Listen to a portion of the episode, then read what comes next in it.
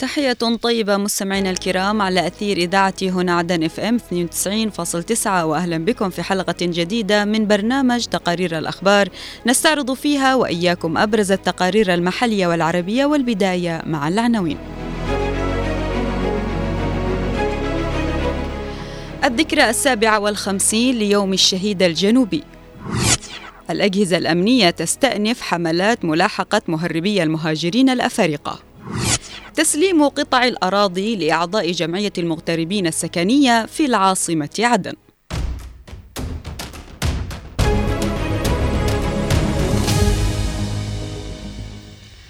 أكد الرئيس القائد عيدروس قاسم الزبيدي رئيس المجلس الانتقالي الجنوبي القائد الأعلى للقوات المسلحة الجنوبية أن شهداءنا هم أنبل وأعظم من أنجبتهم أرض الجنوب الطاهرة في الماضي والحاضر وذلك في منشور له على صفحاته في مواقع التواصل الاجتماعي بمناسبة الذكرى السابعة والخمسين ليوم الشهيد الجنوبي.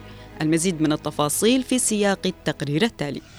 تحل الذكرى السابعة والخمسون ليوم الشهيد الجنوبي. اليوم الموافق الحادي عشر من فبراير من كل عام في ظل أجواء مليئة بعظمة التضحيات التي تواصل القوات المسلحة الجنوبية تقديمها في إطار معركتها النبيلة ضد الإرهاب. الرئيس القائد عيدروس قاسم الزبيدي رئيس المجلس الانتقالي الجنوبي القائد الأعلى للقوات المسلحة الجنوبية أكد في منشور له على صفحاته بمواقع التواصل الاجتماعي على أن شهداءنا هم أنبل وأعظم من أنجبتهم أرض الجنوب الطاهرة. تتلاشى التضحيات أمام تضحياتهم ويقف الجميع إجلالا لما صنعوه من مجد سطروه بدمائهم الزكية.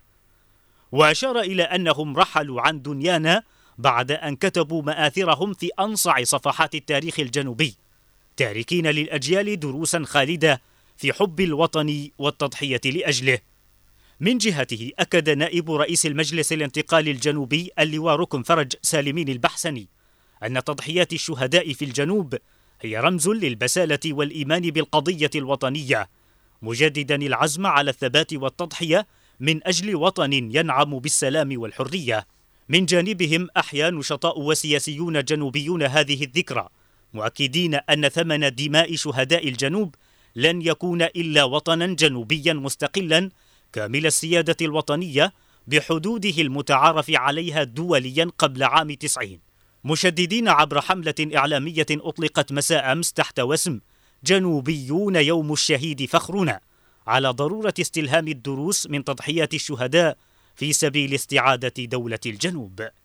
ارتقاء شهداء الجنوب كان حدثا مستمرا في مختلف مراحل التاريخ الوطني سواء في ثورة الرابع عشر من أكتوبر أو في الحراك السلمي الجنوبي وصولا إلى الحروب التي شنتها قوى الاحتلال اليمني ضد الجنوب. وامتزاج تضحيات الشعب الجنوبي مع القوات المسلحة ضاعف من حجم النضال الوطني في مجابهة مختلف صنوف التحديات. وهذا النضال الوطني الجنوبي كان دافعا في تمكين الجنوبيين من تحقيق البطولات. وعلى الرغم من ضراوة الاستهداف الذي تثيره القوى اليمنية المعادية والسعي لتصدير حالة واسعة من الفوضى ضد الجنوب إلا أن جهود وتضحيات القوات المسلحة الجنوبية نجحت في رسم حالة من الاستقرار الأمني على الأرض بشكل غير مسبوق.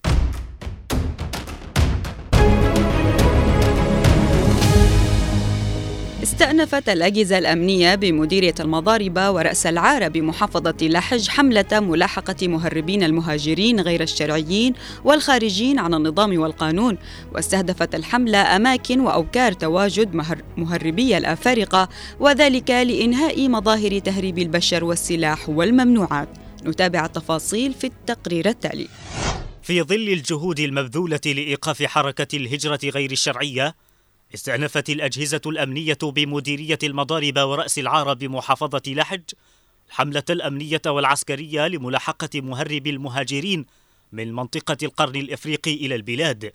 بعد شهرين على انتهاء المرحلة الأولى من حملة مماثلة تمكنت خلالها من مداهمة أوكار المهربين وأماكن احتجاز المهاجرين وتعذيبهم وابتزازهم كما تمت مصادرة كميات من البضائع المهربة والممنوعات.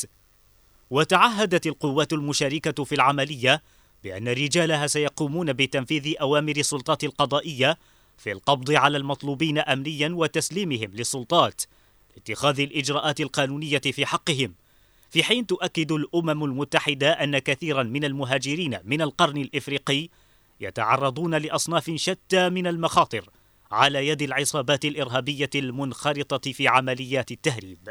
وأكدت منظمة الهجرة الدولية أن الحملة المشتركة التي بدأت في أغسطس الماضي بهدف تقليل عدد المهاجرين الذين يصلون إلى اليمن عبر ساحل لحج أدت إلى عدم تسجيل وصول مهاجرين جدد إلى سواحل المحافظة خلال شهري أكتوبر ونوفمبر من العام الماضي.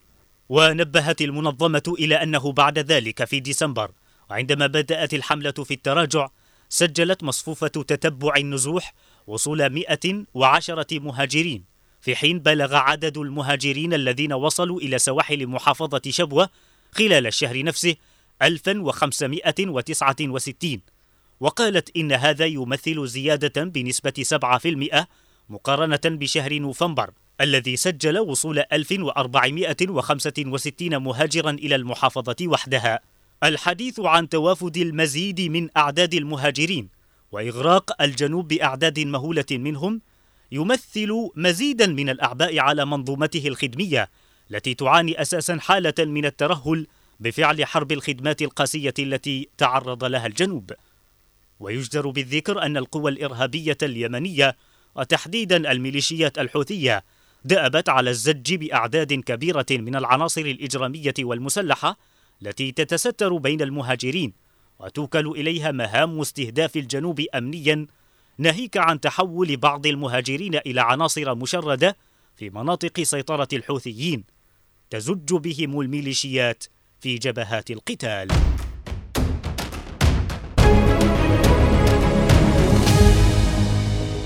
جرى اليوم تدشين تسليم قطع الأراضي لأعضاء جمعية المغتربين السكنية بمنطقة العماد في مديرية دار سعد بالعاصمة عدن بعد معاناة استمرت لعقود من الزمن بسبب سيطرة متنفذين على الأرض. تفاصيل أوفى في سياق هذا التقرير. بعد جهود كبيرة بذلتها السلطة المحلية برئاسة وزير الدولة محافظ العاصمة عدن أحمد لملس وهيئة الأراضي وفرعها بعدن ومدير مديرية دار سعد عبود ناجي وبالتعاون مع الاتحاد العام للجمعيات التعاونية السكنية تم استعادة قطع الأراضي لأعضاء جمعية المغتربين السكنية بمنطقة العماد في مديرية دار سعد بالعاصمة عدن من المتنفذين حيث بدأ اليوم مهندسون من مكتب أراضي عدن بتسقيط قطع المستفيدين على الأرض. وعبر رئيس الاتحاد العام للجمعية التعاونية السكنية في تصريح صحفي عن سعادته بتحقيق هذا الإنجاز بعد صراع استمر لعقود من الزمن مؤكدا أن هذا الإنجاز هو ثمرة جهود كبيرة بذلتها السلطة المحلية والاتحاد العام للجمعيات التعاونية السكنية والهيئة العامة للأراضي وعقارات الدولة. من جانبه شكر رئيس جمعية المغتربين السلطة المحلية والاتحاد العام للجمعيات التعاونية السكنية ومدير أمن عدن اللواء مطهر الشعيبي وقائد وحدة حماية الأراضي النقيب كمال الحالمي وشرطة العماد ومدير فرع الأراضي عامر عبد الله والنائب علي حمود وكل مدراء الدوائر بالأراضي على جهودهم في استعادة الأرض وتسليمها لأصحابها. مؤكدا أن هذا الإنجاز سيخفف من معاناة الكثير من الأسر التي كانت تنتظر الحصول على قطعة أرض لبناء منزل. وأشار إلى أن عملية التسليم ستتم بشكل متتابع وسيتمكن جميع الأعضاء من بناء منازلهم داعيا المغتربين في دول الخارج إلى متابعة حقوقهم أسوة بزملائهم مؤكدا عزم الجمعية على تذليل الصعاب أمامهم حتى يتم بناء مساكنهم.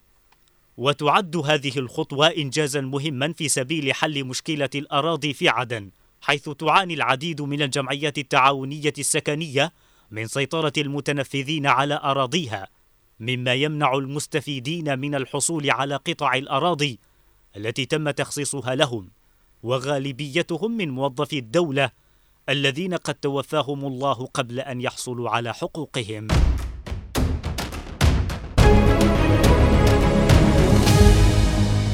إلى هنا نصل مستمعينا الكرام إلى ختام هذه الحلقة من برنامج تقارير الأخبار. كنت معكم من الإعداد والتقديم عفراء البيشي ومن الإخراج نوار المدني. أطيب التحية إلى اللقاء.